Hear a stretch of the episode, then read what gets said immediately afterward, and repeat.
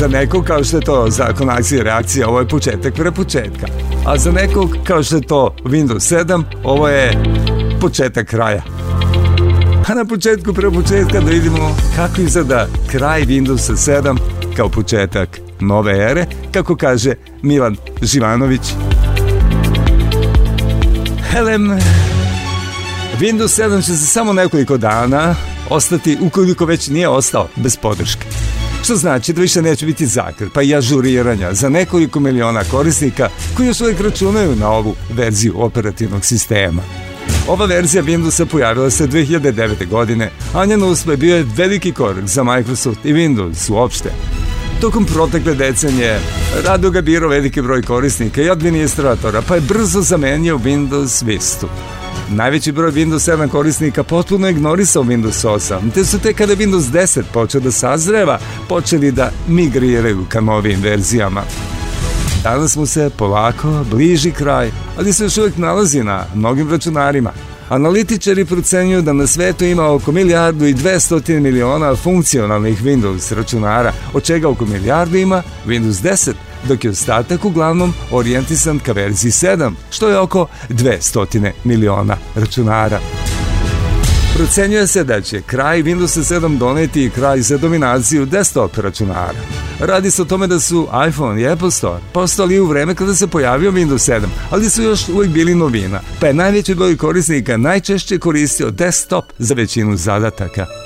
Deset godina kasnije slika je nešto drugačija i komplikovanija – budući da prodaja desktop računara opada u posljednjih 7 godina, a zbog toga što pametni telefoni, tableti te digitalni asistenti implementirani u niz drugih uređaja sve više preuzimaju njihovu ulogu. Pored toga ni Windows više nije glavni Microsoft proizvod kao što je to nekada bio, što također doprinosi sve bržim promjenama. Sve znači, ovo ne znači da će računari potpuno nestati u bližoj budućnosti, ali je jasno da danas postoje mnogo više opcija, te računari polako počinju da liče na druge uređaje, poput Microsoft Surface uređaja koji više podsjeća na tablet. Kraj podrške za Windows 7 će doprineti tome da se ova tranzicija ubrza, budući da će veliki broj starih računara ostati bez operativnog sistema i bez mogućnosti da pređe na novije verzije, a sve to zbog hardverske nekompatibilnosti. Sve što je lepo, kratko traje. Ali u slučaju Windowsa 7, sve što lepo može i dugo da traje. Eto već punih 11 godina. A koliko vidim, traje će kod mnogih i dalje. Ali zato bez medalje u obliku zakrpa i ažurancija. Zauk. Zauk. Ovo je emisija Zakon akcije i reakcije, reakcija na ljude i high-tech svet. Tako nas. Šta se dešava sa vašim prisutom na internetu kada umrete? Mala komplikacija je u tome da, za razliku od frižidera, se vama umire i vaš sajt, vaša email adresa, lozinka i ko zna šta još. Onda biste morali da nosite jedan ranac na leđima od otprilike 10 do 15 kg. A to i nije baš tako loš dio. Two hours on the radio, right side of high tech. Moje ime je Zoran Modli, a ovo oko mene je high tech svet. Kao i uvijek kada ne znam kako da počnem emisiju, počeo sam je početkom pre početka. Imali smo mali traktat Milana Živanovića u kraju Windowsa 7 i početku nove ere. A dalje, kao na beskrajnoj traci, Dušana Dingarca, Miodraga Kuzmanovića, Markusa Makija, Miodraga Ilića, profesora Vlada Đukanovića, Sabu Živanovića i obe strane medalje koji zašto blokira internet, zašto nas nisu učili šta je komunikacija, imitacija života, u životu pilota, ratoborni francuzi, počeli britanci kada uspeti da se spasu hidre, festival, festival testa na Dorčeo placu, razmišljanje o četijerma, konjma, debela što idu preko bg aplikacija za otkrivanje laži fotografija, Verified by Pi, Alexa stiže u automobile, baza podataka sa 3 milijarde fotografija, kargo električni automobili za zeleni Beograd, Google sada vredi trilion dolara, Kanada stvorila zonu zaštićene prirode veličine Nemačke. Mornarica SAD je priznala postanje MLO-a neon veštačke ličnosti omogućeno plaćanje prekršenih kazni online. Zašto Apple voli Kinu? E pa, dobrodošli u Zakon akcije i reakcije. Broj 1, 2, 3, 4, 5, 6, 7, 8, 9, 10 pa sve do 1000. Ja bih rekao da smo stigli do broja 1005. A to je broj koji dobijate kada se berete 1000 i 5 dobra matematika. Duže vreme, mogli bi se možda reći čak i posljednjih par godina, Zaire počinjem demo snimcima, dakle onim grupama koje su defilovale kroz demo top liste moje nekadašnje misije Ventilator iz e, prve polovine 80. godina. Ali u posljednje vreme, evo ima tome već par nedelja, emisije počinjem mojim velikim hitima Dmodli Greatest Hits ne bih mnogo, pa neće ovaj serijal dugo trati, ali hajde da se vratimo danas u 1973. godinu, Samo da proverim da li je ta mali klik na... Jeste, 73. godina. Jedna reklamna pesma. Naime, u to vreme sam radio na studiju B i svako jutro sam zajedno sa Pecom Petrovićem Maršom vodio 15-minutnu marketinšku misiju zvanu Halo Halo Centroprum. Neću da me prepričam, ali ću reći da je bila zaista slušana, zato što u njoj bilo razorazi zezalica, a između ostalog imala i dve junakinje, Cenku i Promku. To su bili papata glasi u kojoj sam naravno dobijao dvostruku ubrzavajući magnetofonsku traku. E pa, zajedno sa Cenkom i Pronkom nastalo i dosta džinglova, ali i jedna pesma. Bila je to pesma o PKB, o PKB, s obzirom na to da je tada postojeći PKB bio u stvari i glavni pokrovitelj te emisije. Zajedno sa svojom mrežom Centroprom samoposluga. Evo sada mene u društvu sa Cemkom i Promkom u pesmi o PKB, o PKB, što je u stvari readaptacija tada velikog hita Dirla da, o Dirla da.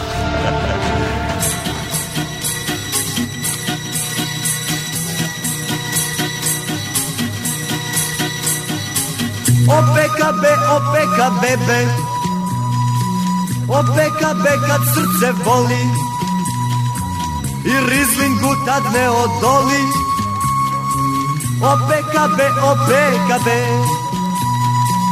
U PKB nek idu čeze PPO PKB I bit će birzli, bit će meze PPO PKB O PKB, o PKB Jogurt i kobasice I tako toko što sam rekao Jogurt i kobasice Za doručak se pije mleko Mleko i paštetice O PKB, o PKB Mleko i paštetice O PKB što volim tebe Jogurt i kobasice O PKB, o PKB Jogurt i kobasice Opeka beka srce boli Jogurt i pastetice I rizlingu tad ne odoli Jogurt i kobasice Opeka be, opeka be be, opeka be Opeka be, opeka be be, opeka be Opeka be, opeka be be, opeka be Opeka be, opeka be be, opeka be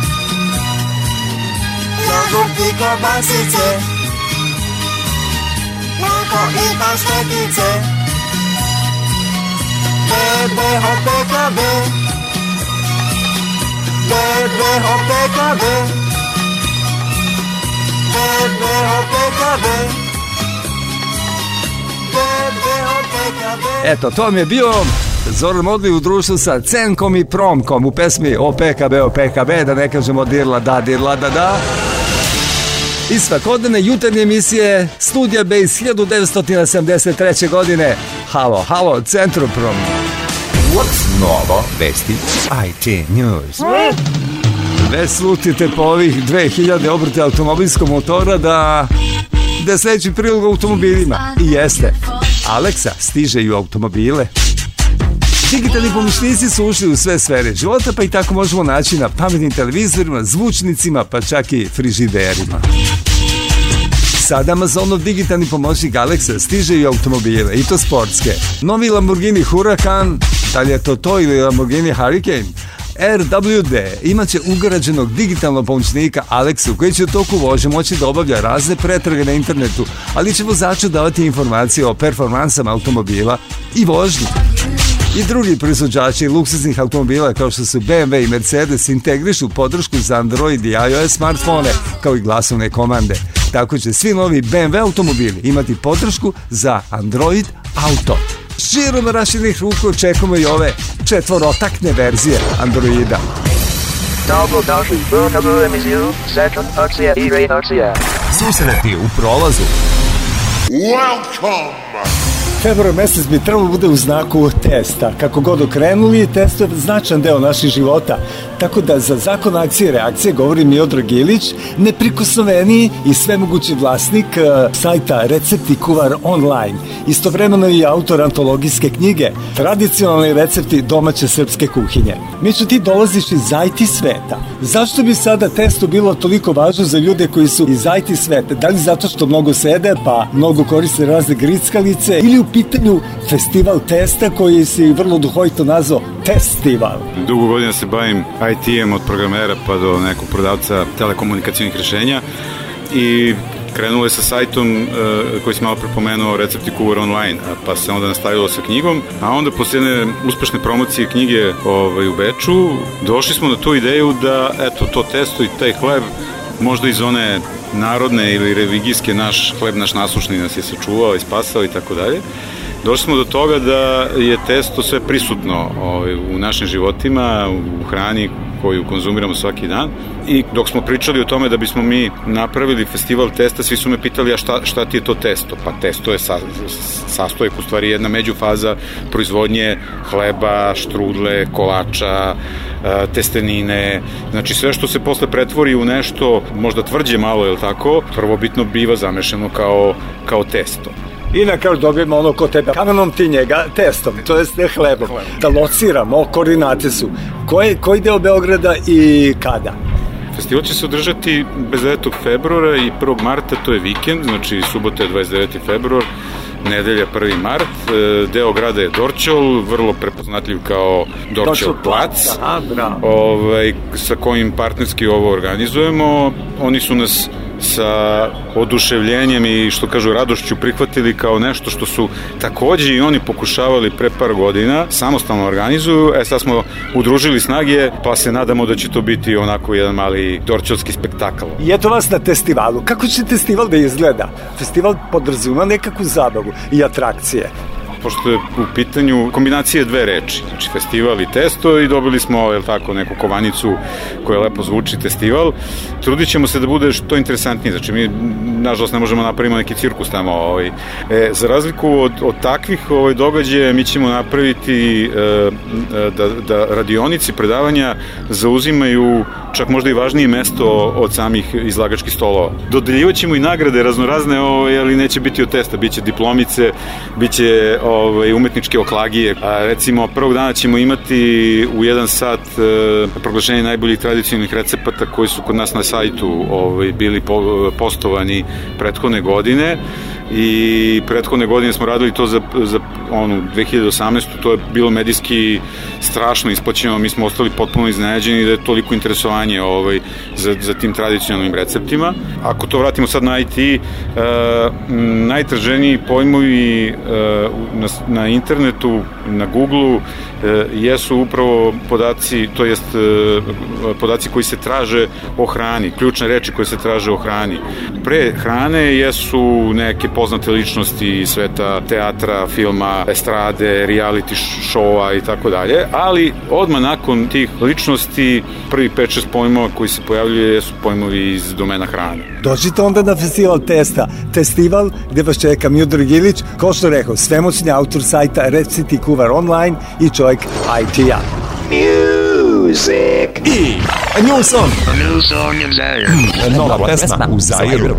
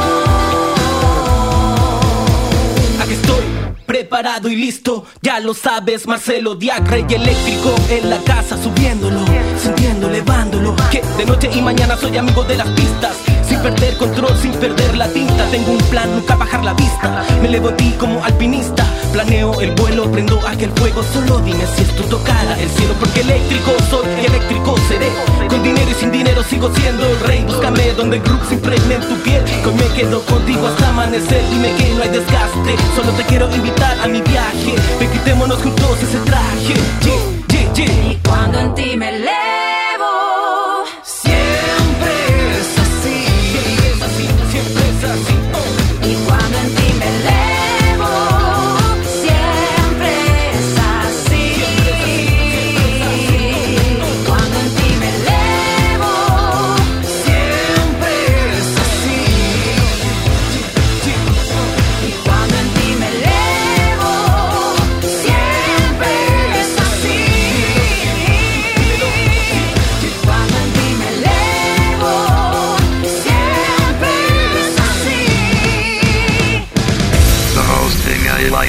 listening to the Zach and Oxija and Ray Oxia. Best. Best. News. Nisam znao da Beograd može da se ozeleni uz pomoć automobila. Ali ja da lepo kaže vez da kargo električni automobili stižu za zeleni Beograd. Naime, Cargo Floto od pre nekoliko dana upotpunjava i biznis klase koji čini 100 najnovih luksuznih limuzina, među kojima se nalaze i električni Jagori i Pace, proglašeni za automobil 2019. godine. Kako bi svim članovima udruženja pružio najkvalitetnije usluge, Cargo je odlučio da svoju flotu proširi, pre svega električnim automobilima. E da bi dao svoj doprinos smanjenju emisije, šteti gasova i pomogao da Beograd i Srbija budu zdravije mesto za život. Cargo je poznat po novitetima i inovacijama. Pored električnih Jaguara, flota automobila čini veliki broj hibrida koji su ranije nabavljeni, sve sa malom potrošnjom i inovativnom tehnologijom za smanjenje količine izumi gasova. Inače, Cargo trenutno ima više od 800.000 neizduvnih članova, pa očekavno zato i obećava da će raditi još više na poboljšanju svoje usluge, poneviše nabavkom još više električnih i hibridnih automobila. Izaberite mesto, izaberite vreme, pritisnite dugme. Idemo u prošlost. Vreme Vreme Vremeplov, zakon akcije i reakcije hajdemo zaista u šetnju kroz vreme. Danas, dakle, u januaru mesecu ove godine, zato je zadužen Miodrag Uzmanović, zato što ćemo proći upravo kroz januare, tri godine. Prva je 1995, druga je 2001 i treća 2008. Januar 1995. 1. januara Austrija, Finska i Švedska pristupaju Evropskoj uniji. Osam dana kasnije, ruski kosmonaut Valeri Poljakov postavlja rekord neprekidnog boravka u svemiru, 366 dana na stanici Mir. 17. januara zemljotres snage 7,2 po Richteru pogađa japanski grad Kobe, pri čemu gine preko 5000 ljudi. 25. januara norvešku raketu lansirali iz Centra za svemirske istraživanja u Andoj, ruski PVO, inicijalno prepoznaje kao balistički napad, ali sve prolazi bez incidenta. Tog januara 1995. godine izlazi 124. broj sveta kompjutera. I pored akutne nesašice rotopapira, novi broj SK je ipak izašao, do duše sa dve nedelje zakašnjenja. Temi broja kompjuterske animacije posvećujemo mnoštvo teorijskih i praktičnih tekstova, kaže Kuzma, u kojima obrađujemo hardverske i softverske aspekte ove još uvijek mlade kombinacije umetnosti i industrijskog dizajna. Toliko 95. Hajdemo sada u januar 2001. 9. januara na konferenciji Macworld Expo u San Francisku Apple obznanjuje svoj novi revolucionarni servis za digitalnu distribuciju muzike i videa iTunes. 15. januara sa radom počinje Wikipedia. 19. januara kultni film Doni Darko sa Jakeom Gyllenhaalom u glavnoj ulozi debituje na finskom festivalu Sundance. U svetu kompjutera curi na sve strane tog januara 2001. kada je izašao 196. broj časopisa SK. Dakle, curi na sve strane, kako kaže Boris Tadić, tadašnji savezni ministar za telekomunikacije u intervju kojim otvaramo taj broj. Na svu sreću, situacija se na polju telekomunikacija solidno popravila u poslednje dve decenije, tako da makar u pogledu dostupnosti broadbenda, nekada najvećeg IT problema u nas, više nema curećih problema. Od ostalih kurioziteta, izdvojiti valja testove prvi ploča sa chipsetom Intel 815 koje proglašavamo prvom pravom zamelom za BX. Eto, tako je bio januar 2001. u svetu i na stranicama našeg najstarijeg kompjuterskog časopisa. A sada završimo priču januarom 2008. godine. 18. januara te godine Ujedinjene nacije imenuju Georgia Clooney'a za ambasadora mira. Dva dana kasnije na američkoj televiziji AMC, a dva sata kasnije na torrentima debituje krimi serija Breaking Bad sa Branom Cranstonom i Aaronom Paulom u glavnim ulogama. 27. januara pobedom nad Žom Wilfredom Kongom Novak Đoković osvaja Australian Open i postaje prvi Srbin koji je osvojio Grand Slam. Tog januara 2008. izlazi 280. broj sveta kompjutera. Početak broja u znaku AMD-a. Pišemo o platformi, kaže Kuzma, AMD Spider. Testiramo AMD Phenom 9500, nije baš fenomenalan, kaže Uzelac. A naše si mesta za Radeon HD 3800 seriju grafičkih kartica. U rubrici Internet bavimo se preregistracijom domena sa ju na rs zbog, jeli, još jednog raspada države u kojoj smo živeli, srećom ovoga puta mirnog referendumskog. Toliko u našem vremeplovu, kroz koji smo i zahvaljujući kojem smo u stvari prohujeli kroz januare 95. 2001. i 2008. godine zajedno sa Miodragom Kuzmanovićem. Baš je bilo, kako glasi nas, ove njegove šetnje kroz vreme Breaking Bad. Najljepše pesme Koje su se ikada vrtele u Zairu. Po meni. Oh.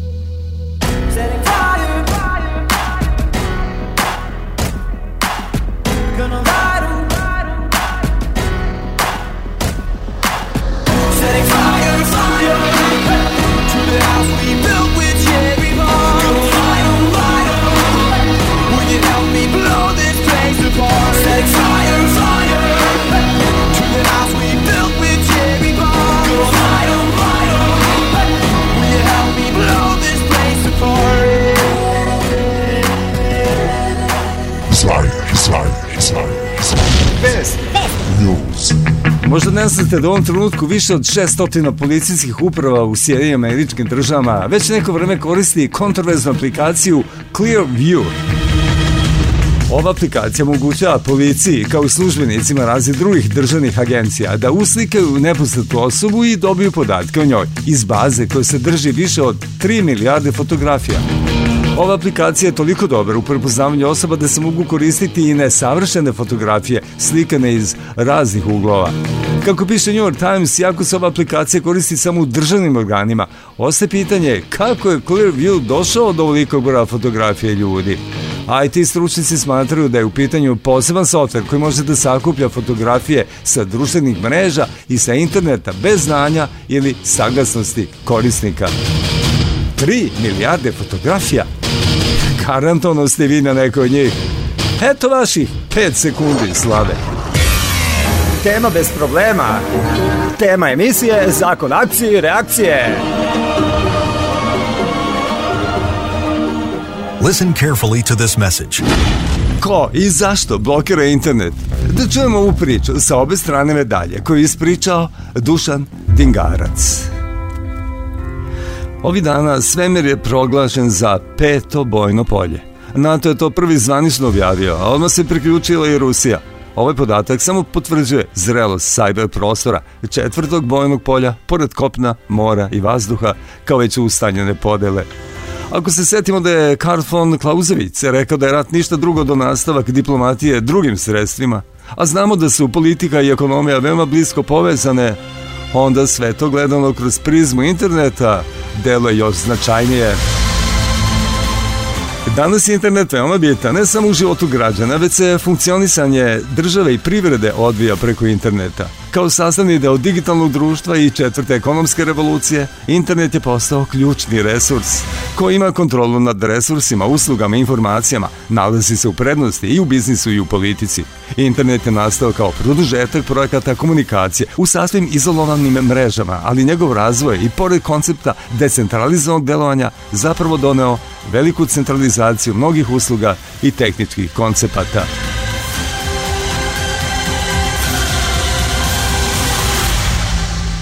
Nimalo nova stvar, u različito uređenim državama. Nije unutrašnja izolacija od štetnih sponjih utjecaja. Isto tako već decenijama svedoci smo da pojedini deluju sveta, čak i Ujedinjene nacije, uvode sankcije nekim zemljama Ovih koncepata nije pošteđen internet. S jedne strane imamo zapadni svet predvođen Sjedinjenim američkim državama, kod koga se nalazi najveći deo interneta i fizički i kada su u pitanju razni moderni internet servisi. Njima je u interesu da internet i svi servisi budu dostupni svuda u svetu, kako zbog poslovnih, tako i zbog ideoloških razloga. Poslednjih godina razni oblici društvenih mreža korišćeni su za vođenje protesta u više zemalja uz podršku tajnih službi sa zapada.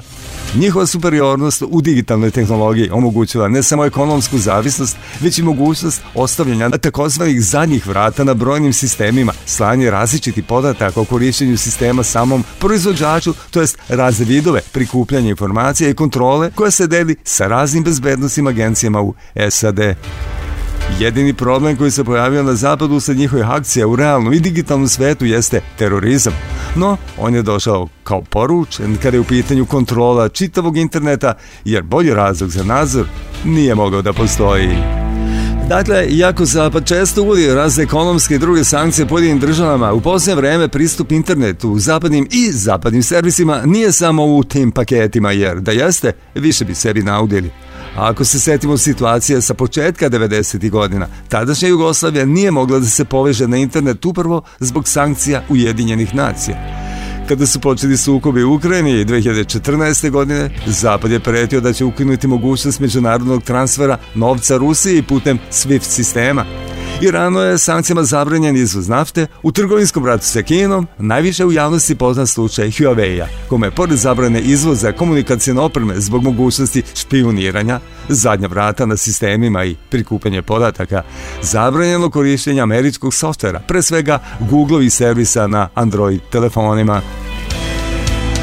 A sa druge strane, Imamo velike države koje pokušavaju da se ponašaju nezavisno od pravila koja diktiraju zapadne zemlje.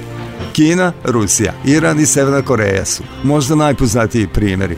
To su zemlje koje ekonomski uz veliki broj stanovnika i posjedovanje prirodnih resursa mogu sebi da dozvole da se odupru jedinim američkim državama. Upravo ove zemlje danas ograničavaju internet pristup svojim građanima i kompanijama. Stav Zapada je da je to isključivo pitanje ljudski, ne sloboda, u nedemokratskim režimima, no u pitanju su zapravo odbrambeni mehanizmi. Primer Severne Koreje ćemo da preskočimo, jer ona inače ima ekstremni pristup blokiranjem štetnih utica iz inostranstva u svim sferama društva, pa internet dostupan samo najvišoj klasi partijskih zvaničnika – Primer Kine je verovatno najpoznatiji jer od samog početka pristup internetu je regulisan kroz sisteme za filtriranje sadržaja. U Kini ne radi najveći deo servisa koji su popularni, a napravljeni su van granice Kine. Gmail, Facebook, Whatsapp i mnogi drugi servisi u Kini ne rade. Zato je Kina razvila svoje servise poput WeChat-a, WeChata, TikToka i mnogi drugi. WeChat je veoma bitna platforma u Kini u kojom se obavljaju i plaćanja. Kažu da u većini gradova taksi može da se plati isključivo preko ove platforme koja je bitna za određivanje kreditnog rejtinga i još mnogo toga primjere drugih zemalja poput Irana koje blokiraju društvene mreže zbog suzbijanja protesta najnovih nastalih nakon povećanja cene goriva nećemo posebno elaborirati.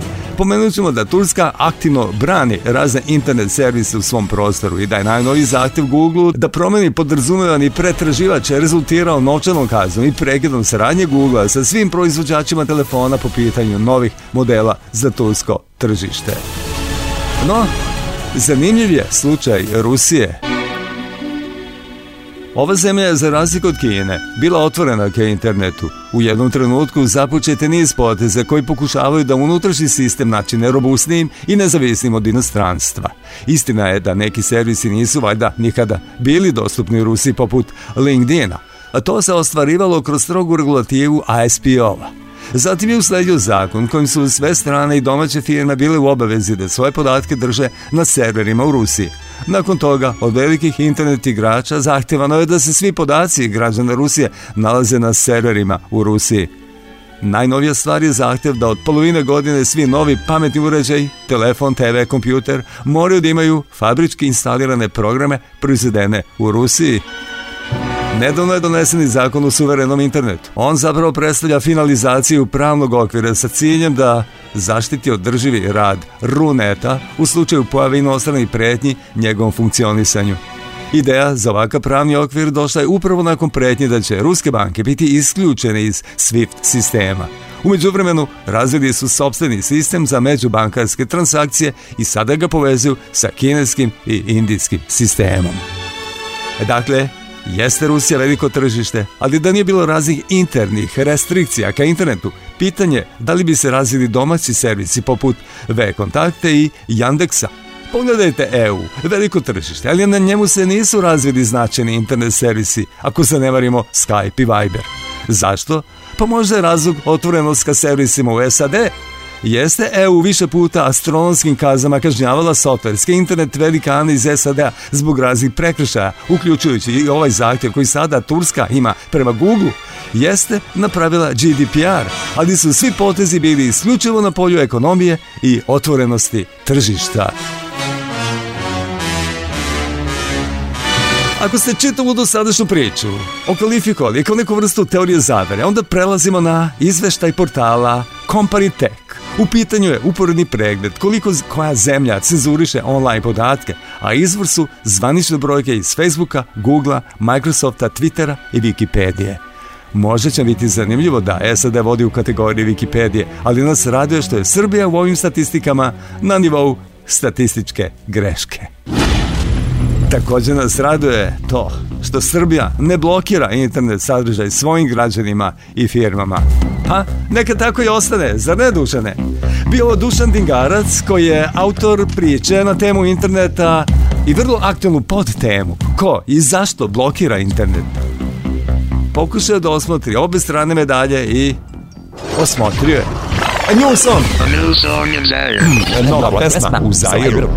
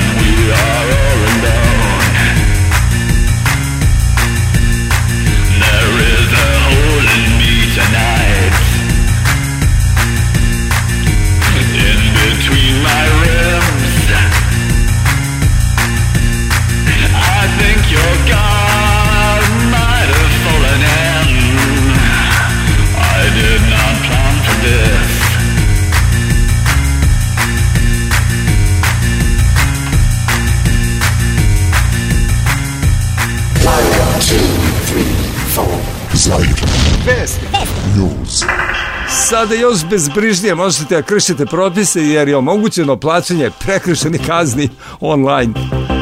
Ministarstvo pravde zajedno sa Kancelarijom za IT i e-upravu uspostavilo sistem koji građanima, pravnim licima, ali i stranim fizičkim licima daje mogućnost da svoje prekršene kazne koje se nalaze u registru neplaćenih kazni i drugih novčanih iznosa izmire elektronskim plaćanjem, odnosno preko interneta. Plaćanje se odvija platnim ili kreditnim karticama sa portala Ministarstva pravde, registra neplaćenih kazni državnog sistema za e-plaćanje kojim upravlja Kancelarija za IT i e-upravu. E-plaćanje omogućava jednostavan način izmirenja obaveze bez odlaska u banku ili poštu, a plaćanje se može izvršiti sa mobilnog telefona ili računara. Informacije o realizaciji transakcije su ona dostupne, tako da nije potrebno dodatno dokazivanje u smislu dostavljanja bilo kako dokaza u papiru o izvršenoj uplati nadležnom prekršenom sudu. Prikom procesa e-plaćanja takođe se naplaćuje provizija koja je jasno iskazana i koju propisuje banka preko koje se i plaća. Od zaštiti podataka platne kartice brine software banke koja mora da pošle striktne propise u vezi sa zaštitom podataka svojih klijenata uz istovremeno poštovanje pravila organizacija kao što su Visa ili Mastercard. I tako od sada možete da plaćate prekršene kazne online. Jo samo da idemo, možete li online da pravite i prekršaje, pa da se ne mučite u stvarnom životu. Uh, Rex. They just love new toys now, don't they? Oh. Zaj, zaj, zaj. What's novo? Vesti IT News. Evo jednog zanimljivog čovjeka koji stiže u zakon akcije i reakcije. Zove se Sava Živanović. Upoznali ste ga ukoliko ste gledali pa relativno nedavno emisiju Pola Rotor gdje je govorio onome o čemu će sada sa njim pričati Vladimir Bubanja. Sava Živanović je direktor i vlasnik kompanije Tehnološko partnerstvo. Priča je o njihovoj jedinstvenoj aplikaciji Verified by Pi, koja služi za prepoznavanje fake fotografija. Pa evo onda na sceni Vlade Bubanje i njegovog sagovornika. Verified by Pi je servis baziran na našoj Pi platformi za sjedinjene uh, sigurne komunikacije i servise Verifiable Pi je servis koji omogućava verifikaciju slika, odnosno proveru da li je slika modifikovana na bilo koji način. Razlog za nju smo našli u ideji da postoji previše lažnih slika na internetu i da je postalo veoma lako da se slike, odnosno video snimci, falsifikuju. Zbog toga smo smislili i podnali patentnu prijevu i zaštitili celokupnu ideju i uskoro će se pojaviti i na Google Playu Verifiable P aplikacija. Platforme za koje smatramo da su korisnici zainteresovani da koriste ovakvu, ovakav način verifikacije slika su Booking, Airbnb, TripAdvisor, Instagram i sve ostale platforme na koje je neophodno da se vidi da slike nisu modifikovane. Mogući korisnici su takođe i osiguravajuće kuće, odnosno na jedan način, na mnogo lakši način bi moglo da se prijavljuju nesreće, kvarovi i sve ostali moguće postavice kako na motornim vozilima, tako i u kućama, stanovima. Ono što mi obezbeđujemo, to je da koristeći našu platformu, naš servis Verify by P, mi sprečamo bilo kako bilo kako menja slika u kuću, bilo kakav Photoshop, izuzetno velika pažnja je posvećena zaštiti, odnosno prevenciji mogućeg hakovanja same aplikacije. Verify BP aplikacija se koristi kao bilo koja druga a, aplikacija za pravljanje snimaka. A, automatski se sni, uzima i snima hash i onda posle ako želite možete pristupiti galeriji i da proverite da li je neka slika na bilo koji način promenjena, odnosno da li je istinita. Ovoga puta leteći reporter Zaira Vlada Buman je razgovarao sa Samom Živanovićem, direktorom i vlasnikom kompanije Tehnološko partnerstvo, o njihovoj jedinstvenoj aplikaciji Verified by Pi, koja služi za, čuli ste, prepoznavanje fake fotografija. amazing sight ever Virtual Reality Radio. Zakon. Akcija, reakcija. Bilo nekada u Zairu rubrika koja se zvala Danov pogled iskusa. Međutim, danas bi to komotno moglo da se kaže za Markusa, jer svaki Markusov pogled u stvari onaj pravi pogled iskusa. Danas jedan Markus, ali ukratko, bez odjavne nane špice, pod naslovom Ratoborni Francuzi, tek onako usput, jer pravog Markusa u punom onom long play izdanju imat ćete inače, kao i u svakoj emisiji, ili skoro svakoj emisiji, i danas. Znači, Markus Maki i njegovi, njegovi, njihovi ratoborni francuzi. Nisam ni mislio o tome da pišem, kaže Markus, ali eto jedna emisija koju sada da ne navodim, pokrenula mi je voz misli. Putujem Evropom, pričam sa ljudima, osim Nemaca čujem Italijane, Poljake, Špance, pa čak i Ruse, svi se nekako dive Francuzima što su tako hrabri, bore se za sva prava, dok oni samo kukaju, a ništa ne rade. No, da vidimo svu tu hrabrost.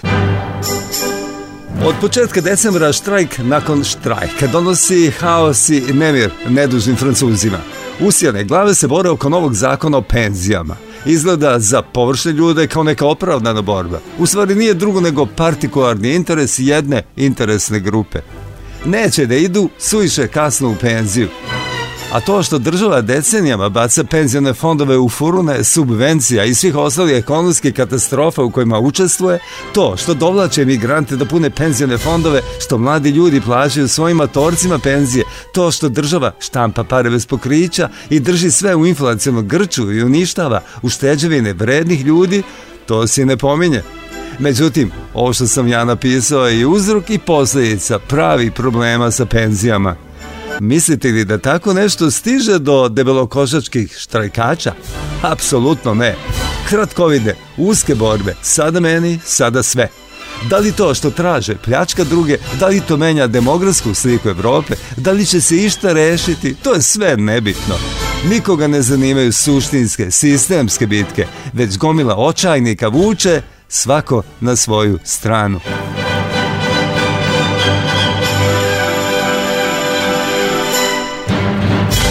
Tako da, sve uzet u obzir, ove bunđije nisu nikakvi heroji građanske hrabrosti.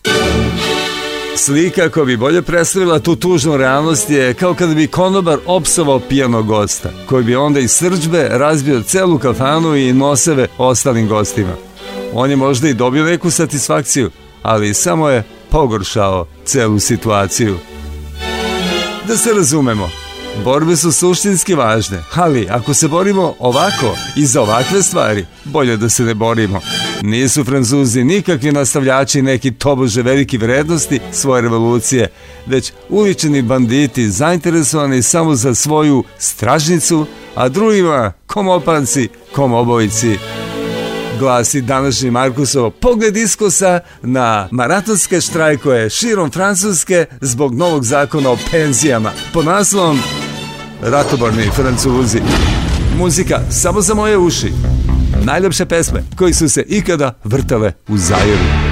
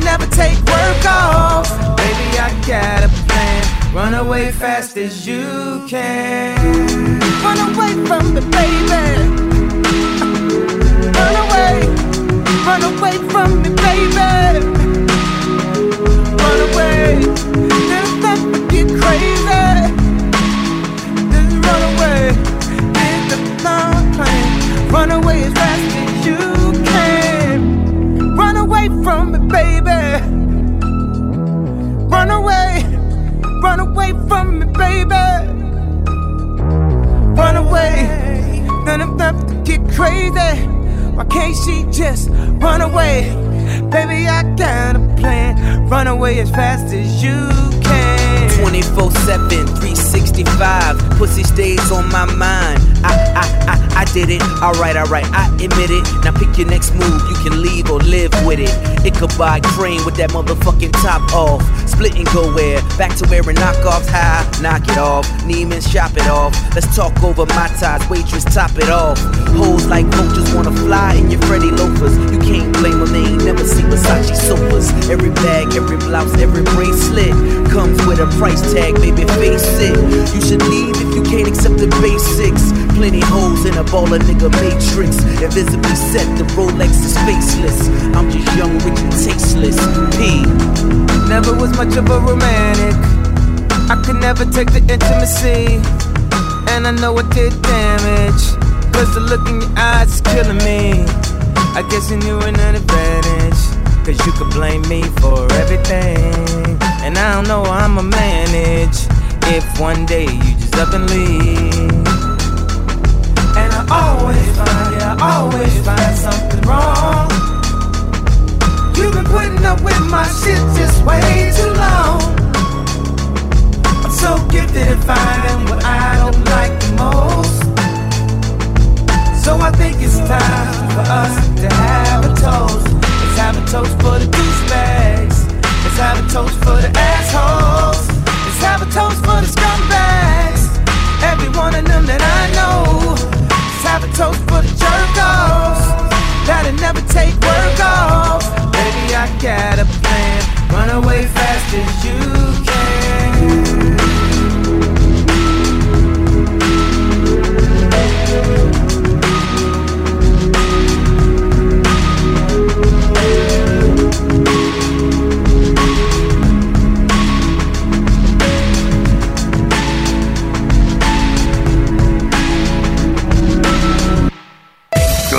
all the time. This is second Arxia and great Arxia. Znate li koliko sada vredi Google? No. Google sada vredi trilion dolara. Google je sada postala, ili postao, ili postala četvrta kompanija na svetu, nakon Microsofta, Apple i Amazona, koja ima tržišnu vrednost od trilion, dakle, hiljadu milijardi dolara. Zapravo u vrednost ima njegova krovna kompanija Alphabet koju je Google formirao 2014. kako bi pod isti krov stavio nekoliko svojih kompanija. Delnice su pre nekoliko dana dostigle rekordni 1450 dolara po akciji. Kada je Google prvi put izašao na berzu 2004. godine, vrednost kompanije bila samo 24 milijarde dolara. Zanimljivo je i da samo ove četiri IT kompanije sad imaju veću tržišnu vrednost nego cela odrobena ili javna industrija Sjedinjenih američkih država. Ma ljudi, to mu... Moguće, moguće. Zakon akcije i reakcije. Tekst Markusa Makija koji ćete danas čuti nastoje još negde sredinom decembra meseca prošle, naravno, 2019. godine, a sada smo davno prevalili i sredinu decembra 2020. Mnogo toga se dogodilo za ovih meseci, i kusog dana, ali ipak je zanimljivo čuti kako je Markus govorio o Britancima i njihovom izlasku iz Evropske unije tada, koliko god trenutak on času istorijski bio blizak. Markus Maki i njegov ondašnji post pod naslovom Hoće li Britanci ikada uspeti da se spasu hidre? Već dve godine Britanci se rvu sa evropskom hidrom. Povremno kao oko posljednjih izbora ovih dana, oni dana sada, moram da se malo prevodim Markusa u 2020. godinu, Dakle, povremeno kao oko posljednjih izbora produvavaju vetrovi nade i optimizma, ali njih ne treba nikada uzimati kao svršenu stvar. To su samo relativno pozitivni nagovešti da se konačno sprovede odluka koju su Britanci doneli odavno da napuste EU, ali uvek treba biti veoma pažljiv dok se stvar ne desi. Do posljednje minuta nešto može da se prepreči. Radovat ćemo se i otvorit ćemo šampanjac kada konačno EU skine jednu žutu zvezdicu sa svoje zastave. Biće to trenutak jednog malog malo koraka ka većoj slobodi, a do tada nastavljamo da se borimo. Dosta je smešno koliko su ljubitelji demokratije licemeri. Svaki put kada ljudi glase onako kako se nekim elitama ne sviđa, opisuju ljude kao malu decu, kao poluretarde, kao oni koji nemaju znanja i struku da odlučuju o takvim stvarima i svaki put kada glase onako kako se njima sviđa, to ocenjuju kao još jednu pobedu demokratskih procesa i tako dalje. Ljudi na masovnom nivou ne mogu da odlučuju, ali ne zato što nisu pametni, mada ima i toga, nego zato što niko, pa čak ni najpametniji, ne mogu i ne smeju da nameću svoje drugima, zato što zajednički interes ne postoji. Zbog toga demokratija ne bi smela ni da postoji, ali kada već postoji, drage demokrate, morate da prihvatite njene rezultate, sviđali vam se ili ne. Brexit je posljedica demokratskog načina odlučivanja. Budite barem jednom u životu pošteni, pa prihvatite volju glasača. Naravno, 47% Britanaca je očajno, ali to je demokratija. To je ono što vi kujete u zvezde. Najveći strah, možda jedini i najbliži nečem što možemo nazvati trezvenim razmišljanjem je strah da će, ako druge zemlje nastave putem Britanije, nestati cela EU, pa će to dovesti do novih sukoba, možda ratova, između bivših članica. To jeste mogućnost. Zloduh rata uvek stoji nad našim glavama, ali stvari u ovom svetu se ne dešavaju tek tako. Osim ako niste istorijski determinista, naša sudbina je u našim rukama i rukama ostalih evropljana. Ako ostali evropljani nisu naučili šta to znači rat, i ako između EU i rata ne mogu da pronađu neko treće rešenje, onda će biti rata. Međutim, Suviše podlo i pokvareno stalno plašiti ljude ratom, kao jedinim ishodom nekog raspada. Jeste, SFRJ je nestalo u ratu, ali SSSR i Čehoslovačka nisu. Različiti ljudi, različite pameti, različite okolnosti vode ka različitim ishodima. Čak i ako se desi najgori scenario, pa se ostvare slutnje pesimista i oni koji nas plaše, ne tada neću promeniti mišljenje da je Brexit bila dobra odluka. Mi jednostavno ne možemo da predvidimo budućnost i sedeti pasivno zato što će uvek biti plačljivac, i oni koji boje sve uvek najgorim bojama, put je ka nepokretnosti, ka ropstvu, ka odustajanju od sobstvenih ideja i života. Ja se nadam da će jednom kada iako Brexit postane stvarnost, to malo ohladiti usijane glave tvrdoglavih Srba i da će masovno prestati da žele da ulaze u tu u tu opasnu organizaciju. Evropska ekonomska zajednica, to treće rešenje koje stoji između EU i ratova, mislim da je jedino pravo rešenje. Zato nisu potrebna nikakva posebna učlanjivanja, parlamenti, mastrihti, ustavi i slična zla. Ko hoće da trguje bez carina, hoće. Ko neće, ne mora. Čak i bez reciprociteta. EU nije korak ka većoj slobodi, stabilnosti i snazi, već korak ka većoj korupciji, slabosti i unutrašnjoj pljački.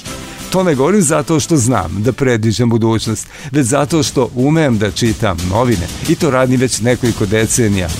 EU je SSSR u svilenim rukavicama, a rukavice postaju tanje svaki dan.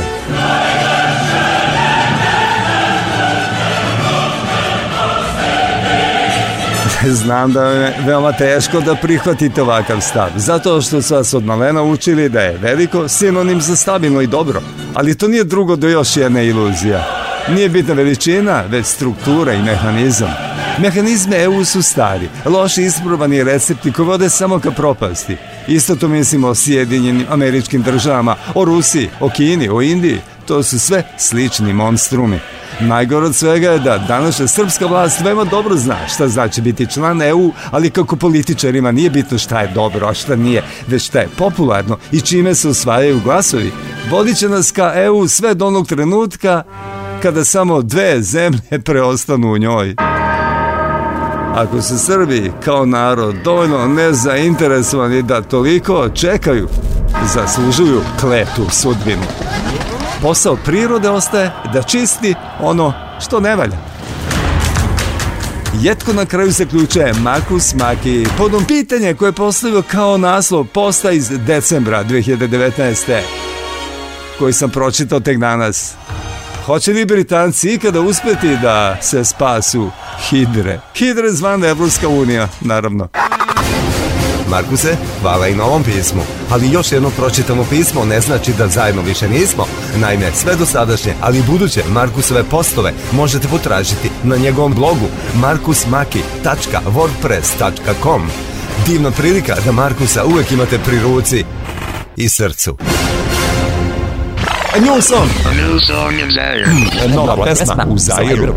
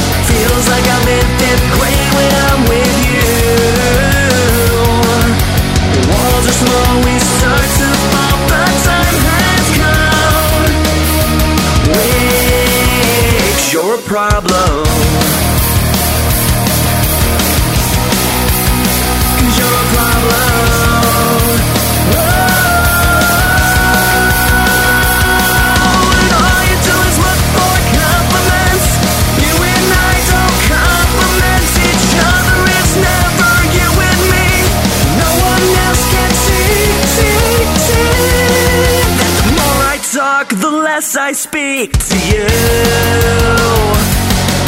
Feels like I'm doing things I shouldn't do. Shake out the rocket.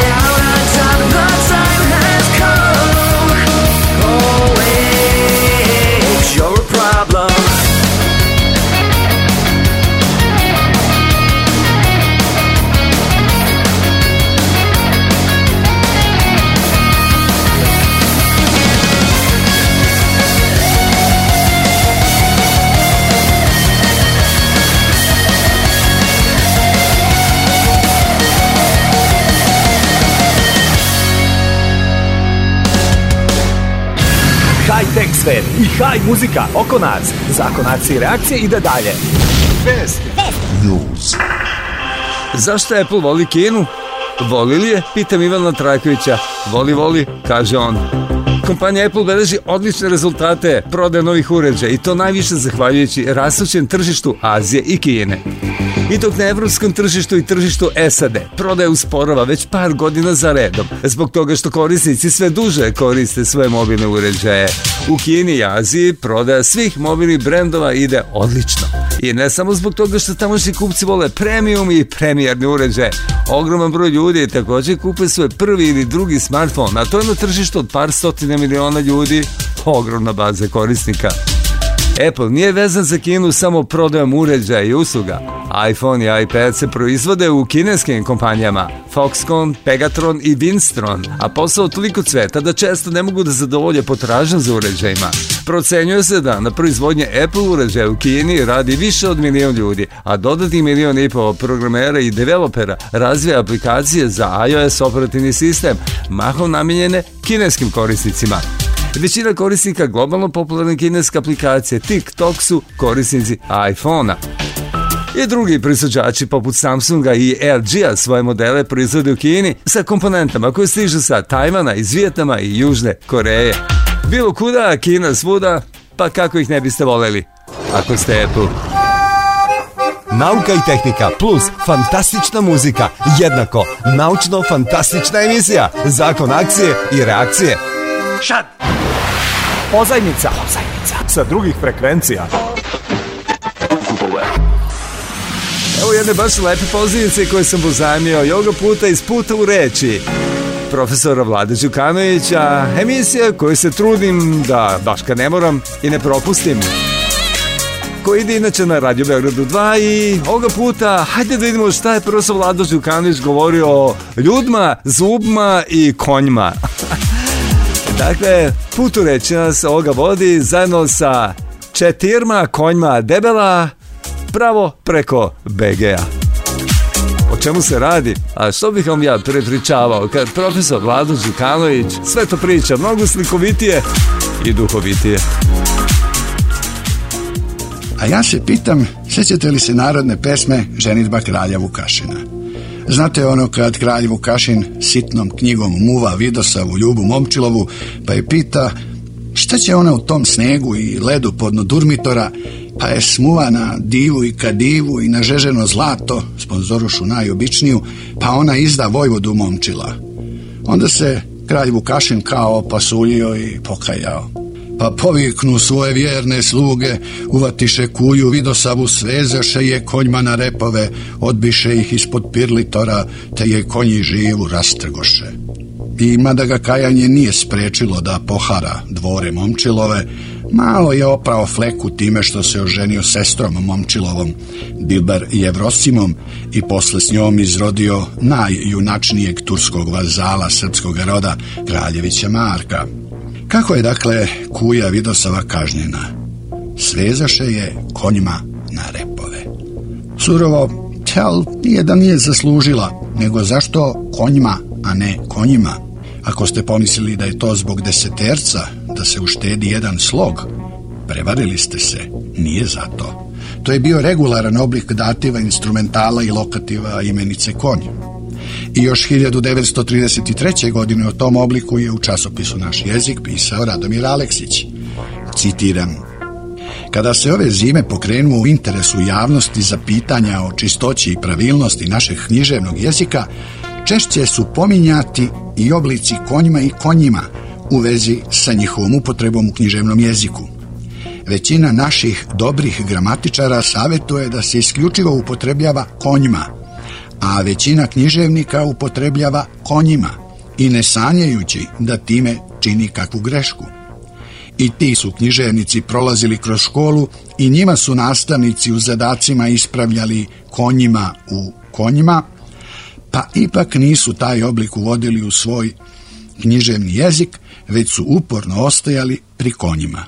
Jasno je da su za to morali imati kakvih razloga. Kraj citata. Hm. Reklo bi se da ni 1933. godine književnici nisu baš uvek brenovali ni školu ni gramatike. To je bilo jedno od onih jezičkih dvojstava kod kojih gramatičari svom silom udaraju u klin, a živi ljudi u ploču. Analizirajući problem, Aleksić je utvrdio da je za sve kriv Vuk, koji je u gramatici uz srpski rječnik ustvrdio kako imenica konj u dativu, instrumentalu i lokativu množine ima samo oblik konjima. Naravno, zato što se tako govori onđeđe se on rodio, dok imenica zub ima dva oblika, zubma i zubima.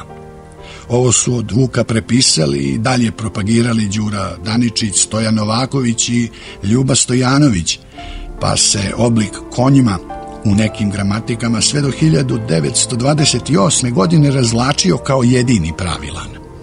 Odavde, kaže Aleksić, starije pokolenje naših književnika i obrazovanih ljudi koji su prolazili kroz školu i dobilo predstavu da je konjma jedino pravilan i književnim kanonom dopušten oblik. Međutim, Već pred kraj 19. veka javili su se prvi glasovi razuma među gramatičarima koji su uočavali da postoji raskorak između gramatičke norme i živog jezika. U godinama neposredno posle Prvog svetskog rata razvijalo se shvatanje da su ovo dubletni oblici, te da je pravilno i konjma i konjima a već 1925. godine gimnazijski profesor Živojn N. Stefanović je u srpskoj gramatici za učenike nižih stručnih i srednjih škola kod imenice konj zapisao treći, šesti i sedmi padež množine glasi pravilno konjima i nepravilno konjima. Ubrzo potom konačno se shvatilo da je živi jezik jači od gramatičara, pa su se u gramatikama najpre zadržavala oba oblika, ali se prednost davala obliku konjima, da bi oko sredine 20. veka oblici konjma, zubma i ljudma sasvim nestali iz gramatika. Preživelo je ono čemu je bilo suđeno da preživi jer je živelo u živom jeziku, a ne samo u gramatikama. Oblici konjima, zubima i ljudima. Rekoh, preživelo je ono što je živelo u živom jeziku, a ne samo u gramatikama, ali to nije pravilo – Naime, ovu sam vam priču ispričao da biste bolje shvatili šta se i kako dešava sa nekim dubletima u jeziku i koliko dugo proces normalizacije oblika može potrajati. Obično potraje nekoliko decenija. Tu činjenicu prečesto zaboravljamo kada se susrećemo sa živim dubletima, onima čija se normalizacija dešava za našeg, inače kratkog života. I zato se ne ljutite na lingviste ako vam na pitanje da li je ovako ili onako – odu govore da je i ovako i onako. Ako poživite dovoljno dugo, neki budući lingvisti možda će moći da vam kažu samo ovako. A 1914. Srbija ne veruje svojim očima i kad joj sve na nos izađe. U današnjoj pozornici sa drugih frekvencija odlučio sam da još ovom krenemo putem reči. Dakle, zahvaljujući emisiji Putu reći profesora Vlade Đukanovića sa Radio Beograda 2, čuli smo deo priče o ljudma, zubma i konjma. Dakle, o četirma konjma debela što su išla preko BG. Najljepše pesme koji su se ikada vrdele u Zairu. Po meni. Oh.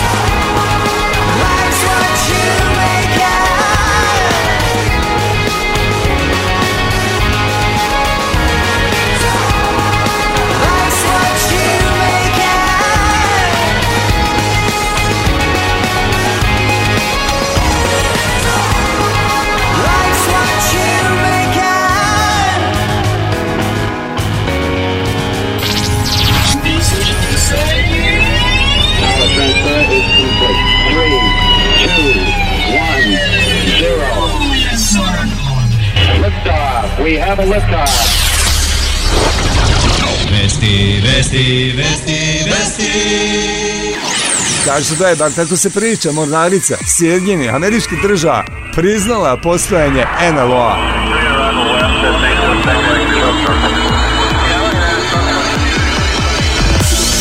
Zaista živite nekada čudnije od naučne fantastike, a potvrda nam stiže iz SAD-a. Naime, Kancelarija Mornaričke obavešne službe Sjedinih američkih država, Office of Naval Intelligence, potvrdila je postanje fotografija i videomaterijala susreta ratnog roda Mornarice i NLO-a. Nekoliko novinari i medija je podnelo zvaničan FOIA, maš ovaj akronim značio, zahtjev o dostupnosti informacija ali im je Brnarica odgovorila da je materijal označen kao strogo poverljiv, ali nisu negirali njegovo postojanje. Sve se desilo u novembru 2004. godine kada je posada ratnog broda USS Nimitz primetila nekoliko NLO letelica sa neobičanom putanjom leta. Inače, 2018. godine i Pentagon priznao poslanje programa proučavanja NLO-a pod komandom NAVER jedinica Mornarice nekoliko penzionisanih pilota ratnog vazduhoplosa SAD potvrdilo je autentičnost svog programa te su i sami svedočili o svojim susretima sa NLO-ima. Očigledno ne baš bliskim, ali svakako treće vrste. Zakon akcije i reakcije i mm, ispovesti upravo razmišljam šta bi mogao da kažem malo o stvarima koje su deo moga, malo deo života nekih od vas. To mi se čini da bi u ovom trenutku možda bilo najprimerenije progovoriti o imitaciji života u životu pilota. Svojevremeno me u danas nepostojećoj emisiji Tako stoje stvari. Teško nadmašili TV prezenter, sada urednik internet portala RTS-a, Zoran Stanović, pitao šta te najviše fascinira kod tehnologije, a čega se plašiš? Ne sjećam se tačno o čemu sam pričao pred kamerama, ali ono što bi svakako rekao, trebalo bi da zvuči ovako. Kod tehnologije fascinantno to što je neodoljiva u primjeni. Za čas utvrdiš zašto bi neka igračka mogla da posluži i nisi miran dok je sebi ne priuštiš. Plašim se da neću dočekati dan kada će biti moguće jednostavno presuti ljudsku svest. Dakle, ono što smo, jedino i neopozivo mi, uređaj u kojem će onda nastaviti svoj virtualni život. Jer ako govorimo o besmrtnosti, nemate ortopede i robotski pomagala ko nas mogu spasti umiranja besmrtnost ne treba tražiti u telesnom. Koliko god produžavali naše hardvetske funkcije presađivanjem organa i protetikom, mozak će svakako istrunuti pre ili kasnije. Besmrtnost treba tražiti u VR svetu. Mislim da se kao pravi i neprikosnoveni SF vizionar takvog života ustoličio Frederik Paul i njegova romaneskna kvintologija zvana Kapija – Treba pročitati tu sago Hičima i otkriću civilizacije koje junacima priče u Omane je ostavila egzotičan patent sintetičkog života posle smrti. To bismo svakako mogli nazvati simulacijom besmrtnosti. Zanimljiva je tema i simulacija života, Otprilike kao oživljavanje predmeta koji daju iluziju da su nešto što nisu. Kao simulacija aviona na uređaju koji leti, a u stvari ne mrda sa masivno postavlja u dobro klimatizovanoj sobetini. Svejedno, s pilotskom posadom za komandama virtualno preleće i mora i kontinente, prolazeći kroz spektakularne vremenske nepogode i svu silu tehničkih neugodnosti koje čeliče posadu za moguće probleme u stvarnom letenju. Eto nama jednog vida simulacije života, mada bi bolje bilo reći simulacije uslova života. Znači, zaista, šta simuliramo simulatorima? Možda jedan od najefektnijih opisa simulacije unutar naše duše. Dao kroz naše Facebook dopisivanje jedan drugi Zoran Stanojević. Pisac, satiričar i radioprezenter Zoran Stanojević. Izgleda mi da je u sobu letelo jato jednog komarca. Idem da izvršim moskitocid, pa na čitanje. Biće to Tarber, My Life and Hard Times. Koliko se sećam negde u toj knjizi je parafraza onog događaja na stepenicama, nešto kao Yesterday upon the stair, I met a man who wasn't there. He wasn't there again today, I wish he hadn't gone away. Tarber se posle te knjige nije probudio. Tako se virtuelnost pretvorila u aktuelnost. Poput još jedne izmaštane simulacije koja glasi Meni je moj psihijatar rekao da vi ne postojite i da vas ja samo izmišljam. Novo pitanje. Koliko je tehnologija virtualne naučare pre svega u stanju da simulira pravo letenje? Bezbroj puta sam se uverio koliko je virtualno letenje sugestivno čak i bez virtualnih naučara. U uobičajenom okruženju kako nude kompanijski, pa čak i neki ambiciozni kućni simulatori. Da biste bili zatočenik imitacije života. Pre svega morate dobrovoljno da se prepustite, a to ćete moći samo ako je pričate ozbiljno i profesionalno, dakle sa zadatkom koji vam je naložio vaš instruktor na simulatoru ili ste ga pak sebi zadali sami. Na kompanijskim simulatorima letenja sve oko vas je stvarno. Komanda aviona, poluge i prekidači, komunikacijni uređaji, navigacijona oprema, regulatori rada, hidrauličkih, električnih i pneumatskih sistema, kiselnička oprema, kao i simptomi nebrojnih kvarova, otkaza i destrukcija. Na ovakvim simulatorima izmišljena je samo scenografija kroz koju letite. Međutim, Sada je to pod znakom pitanja. Umesto sintetičkih predstava, pejzaža i aerodromskih infrastruktura koje su godinama verno služile mnogim generacijama pilota, generisanu sliku ubrzano zamenjuju stvarne slike planetarnog reljefa, gradova i većine aerodroma. Preuzimaju se sa satelita, dronova i zemaljskih vozila, koje najčešće angažuju velike kompanije poput Google i Apple-a, Stoga je sasvim prirodno bilo da se ono što mi na našim mobilnim uređajima svakodnevno gledamo tražeći kakvu adresu ili najkraći put do željenog odredišta dodatno nadogradi i useli i na 3D ekrane komercijalnih mega simulatora letenja. Konačno, treće pitanje, a ono treće je zbog sreće. Zašto se ljudi plaše letenja? Odgovor je bezbroj. Zato što se plaše visine. Zato što ne veruju neznancima koji ih voze. Zato što ih je neko u detinstvu podplašio. Zato što se plaše seksa. Zato što veruju Boga, ali mu ne veruju 100%. Zato što su umislili da se ona pesma idola zove Ne veruj u pilote. Zato što ne podnose situaciju u kojoj nemaju potpunu kontrolu. Zato što im je to dobro opravdanje da se napiju. Zato što su ubeđeni da će se avion srušiti. Zato što im intuicija govori da će ovoga puta nešto poći naopako. Zato što se plaše zatvornog prostora. Zato što misle da u 13. redu do prolaza sedi terorista. Zato što prvi put u životu lete avionom. Konačno, zato što su i zaslužili da se plaše letenja. Kad već toliko uživaju da sami sebe muče. Zbog toga je vrlo dobra ideja da se plašivi putnici pre započetog leta susretnu sa pilotima koji će ih voziti. To je uvek davalo dobar rezultat. Nažalost, u današnjem visokoindustrializovanom aviosaobraćaju ne postoji ni promil te mogućnosti. Čak i Boeingovi i Airbusovi, srednje prugaši, danas primaju više putnika nego neki drevni dugoprugaši koji su letili preko okeana, a kroz mnoge aerodrome dnevno prođe više putnika nego što je stanovnika u omanjim gradovima. Šta onda preostaje? Preostaje dobra volja aviokompanija da sa putnicima organizuju povremene grupne seanse namijenjene oslobađanju straha od letenja ili, ukoliko to moguće, pojedinačne posete kompanijskim trenažnim centrima u kojima posade vežbaju na simulatorima, gde će kandidati moći da za trenutak sednu pored profesionalnih pilota i izbliza upoznaju njihov rad. To delo je blagotvorno, ali koliko putnika u stanju da sebi priušti ovakvu terapiju? Zato bih ja, kad god mi avion uđe neko ko se ozbiljno uprpio, stjuardesa nas obično upozori na to, pozvao plašljivce u kokpit, upoznao ga sa ostalim članovima posade, a onda dodao, niste jedini koji se plašite letenja, plašimo se i mi, ali jedini način da upoznamo neprijatelja bio je da odemo u pilot. Pošto nam ne pada na pamet da poginemo, ne bojte se, nećete ni vi. I obično bi upalio. Najljepša muzika svih vremena. Zair.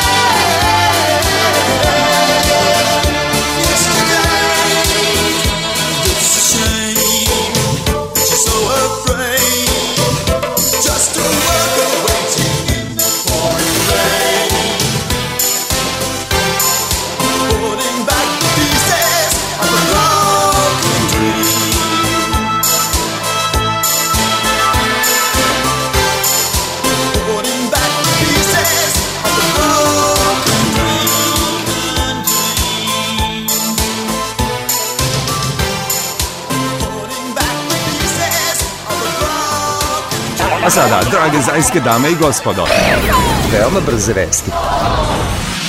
Kanada stvorila zonu zaštićene prirode, veličine Nemačke. Kanada je na svom severozapadu u priobalnom delu stvorila zonu zaštite prirode koja je po svojoj površini blizu cele Nemačke. Javljaju ne Nemci nego Kanadžani. Nazana Tritajuitik, što na jeziku domorodačkog stanovništva, Inuita, znači led koji se nikada ne topi. U ovoj zoni će biti zabranjena eksploatacija nafte i gasa, a ribarenje će biti strogo ograničeno. Led na Kalasu severu se topi tri puta brže nego na zemljim polovima, pa su vlasti odlučile da zaštite populaciju foka, belih medveda, kitova i ružičastih delfina. Naučnici koriste posebne vrste dronova, one koji lete, ali i podvodne, robotizovane podvodnice, kako bi pratile kretanje ovih životinja. Takođe koriste satelitske tehnike MISAR i LIDAR koji uz pomoć računara i veštačke inteligencije predviđaju topljenje leda kao i promene u ekosistemu. Veoma brze vesti. Neonove veštačke ličnosti. U, opet nešto za zaluđivanje. Kompanija Samsung je presila svoj projekat Neon, koji je u najmanju ruku revolucionaran. Naime, suština projekta su veštačke ličnosti. Za razliku od digitalnih pomoćnika i asistenata ili chatbotova, neon ličnosti mogu da same uče, imaju emocije, te tokom vremena evoluiraju, baš kao i pravi ljudi. Neon su zapravo neka vrsta lica za veštačku inteligenciju, mada Samsung tvrdi da je ova tehnologija daleko više od AI učenja. Svaka neon ličnost ima svoj unikatan izgled i ponašanja u stanju da upozna korisnika i bude virtualni prijatelj. Jedna od predstavljenih neon ličnosti je u stanju da tečno razgovara na desetak jezika. U budućnosti, kaže Ivan Trajković, neon ličnosti mogu da zamene TV voditelje, recepcionere, mogu da rade na digitalnim kioscima. Dakle, znaš Ivane, mogli bi malo i da se uposle i ovde kod nas i zamene ljubazne službenice na raznim šalterima. Naročito na onima u socijalnim službama. Never forget where you came from. Vi i dolge slušate Foxija and Foxija. Tema emisije. Naravno. Are you ready? Današnja tema. Zašto su nas učili šta je komunikacija? I da li su nas uopšte naučili? Nisu nas učili da komuniciramo. Možda zvuči čudno, imajući u vidu da smo učili da pričamo, čitamo i pišemo. Imali smo diktate, učili pesme na pamet, pisali smo sastave, pravili projekte i držali prezentacije za ceo razred. Međutim, komunikacija je toliko više od običnog ređanja reči u rečenici. Činjenica da osoba ume da govori nekim jezikom ne znači da je stekla sve što je potrebno za uspešnu komunikaciju. Dobra komunikacija podrazumeva koncizno i koherentno izražavanje ideja, želja i potreba, ali ljudi često misle da je to dovoljno i to jasno izražavanje preraste u neprijatno naređivanje. Za uspešnu komunikaciju je esencijalno slušati da biste razumeli i usvojili ono što vam sagovornik prenosi, a ne samo da biste odgovorili na to. Razvijene veštine komunikacije su ključ uspešnog poslovanja, jer je bez nje nemoguće izgraditi kvalitetne odnose sa kolegama, nadređenima, vašim zaposlenima i klijentima. Bez njih je teško izgraditi poverenje, uspešno sarađivati i sastaviti kompatibilan tim ljudi koji će vam pomoći da ostvarite zadati cilj. Loša komunikacija može da bude razlog zbog kog niste dobili projekat, unapređenje ili onaj posao koji je bio savršen za vas. Gale, vratite se na moment u ono bezbrižno školsko doba. Sigurno ste imali barem jednog nastavnika ili profesora od koga se slede ruke i trema proradi čim vas prozove da odgovarate pred razredom jer znate unapred šta vas čeka. Upadanju reč čim minimalno skrenete sa teme iako ste to sa nekim ciljem uradili. Podsmevanje kada pogrešite, nasumično prekidanje odgovora kada im dosadi da vas sluša, kuđenje, nikakve pohvale nema na vidiku. Ovo nije atmosfera u kojoj će ljudi baš pohitati da se pokaže i da podele svoje ideje. Sa druge strane, profesori koji daju i pozitivne i negativne povrat informacije koji očekuju da pogrešite i koji žele da čuju i vaše lično mišljenje o nekoj temi, a ne samo tačne informacije, stvaraju i gaje mnogo prijatniju okolinu i uslove za napredak. Ista situacija i na poslu kada su sve učesnici nekog razgovora dovoljno opušteni i sigurni da će biti saslušani do kraja i da će se njihova ideja uzeti u obzir, onda imaju odličan podsticaj da svaku ideju koju budu imali podele sa kolegama. A upravo ova razmjena ideja je gorivo koje pokreće inovaciju. Koliko će neko biti produktivan i efikasan zavisi od toga koliko jasno mu je predstavljen zadatak, zbog čega je izuzetno važno da se jasno, koncizno i koherentno prenose informacije kada neko nije siguran šta bi tačno trebalo da se uradi, a pritom se ne osjeća ni dovoljno slobodnim da pide za pomoć, ta osoba prosto nema uslove za produktivnost i efikasnost. Jasne instrukcije su esencijalne za produktivnost, jer zapravo štede vreme svima, bez dodatnih objašnjenja, pojavljivanja i rešavanja potencijalnih problema zbog nesporazuma, svi zaposleni mogu da se fokusiraju na sam zadatak. Oni koji u svom poslovanju stavljaju akcenat na komunikaciju i aktivno rade na njoj, mnogo lakše izgrade poverenje sa svojim kolegama i klijentima, a to poverenje je temelj lojalnosti prema firmi, odnosno kompaniji u kojoj radite ili, mojući lepo, koju možda vodite. Nažalost, negonje dobre komunikacije često pada u drugi plan jer je klima trenutno takva da je važnije klijentu dostaviti ono što je tražio, nego raditi na komunikacijonim veštinama i na duge staze poboljšati celokupno poslovanje. Međutim, Važno imati na umu da je komunikacija jednako važna i da je u prvim redovima zajedno sa svim ostalim ciljevima poslovanja.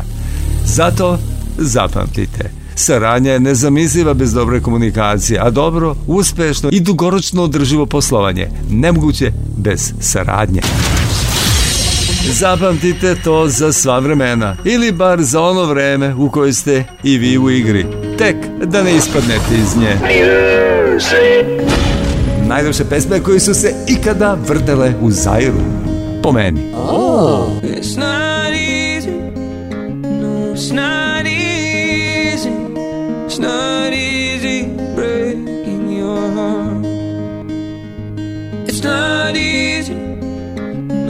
not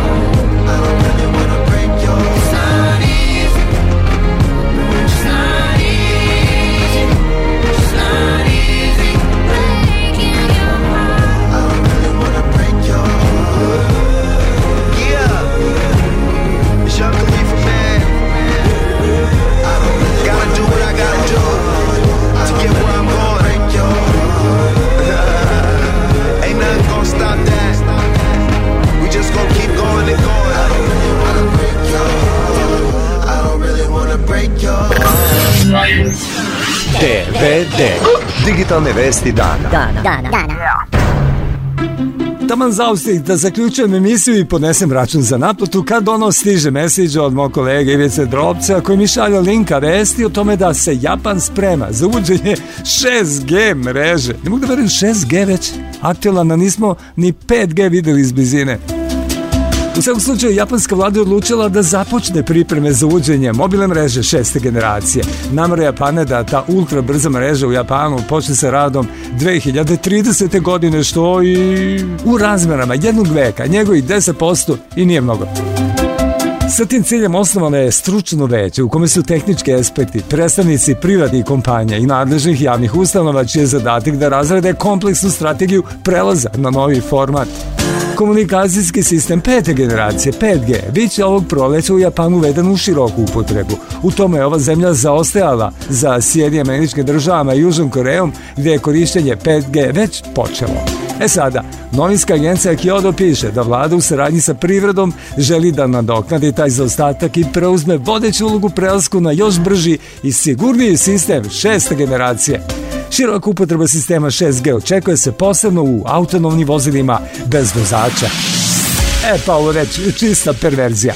Već smo u Zajru imali začetak rasprave koju je nedavno inicirao Dejan Ristanić pišući na temu neprekidnog uvođenja sve novih i novih tehnologija. Naime, da priliv novca kojim ljudi kupuju nove uređaje ne bi posustao, nego se naprotiv stalno uvećavao, sve više i više. Neprestano se razvijaju sve novije tehnologije, a ljudi se ubeđuju da su im upravo one neophodne kako bi imali puno uživanja u korišćenju mobilnih uređaja prilagođeni baš takvoj novotariji.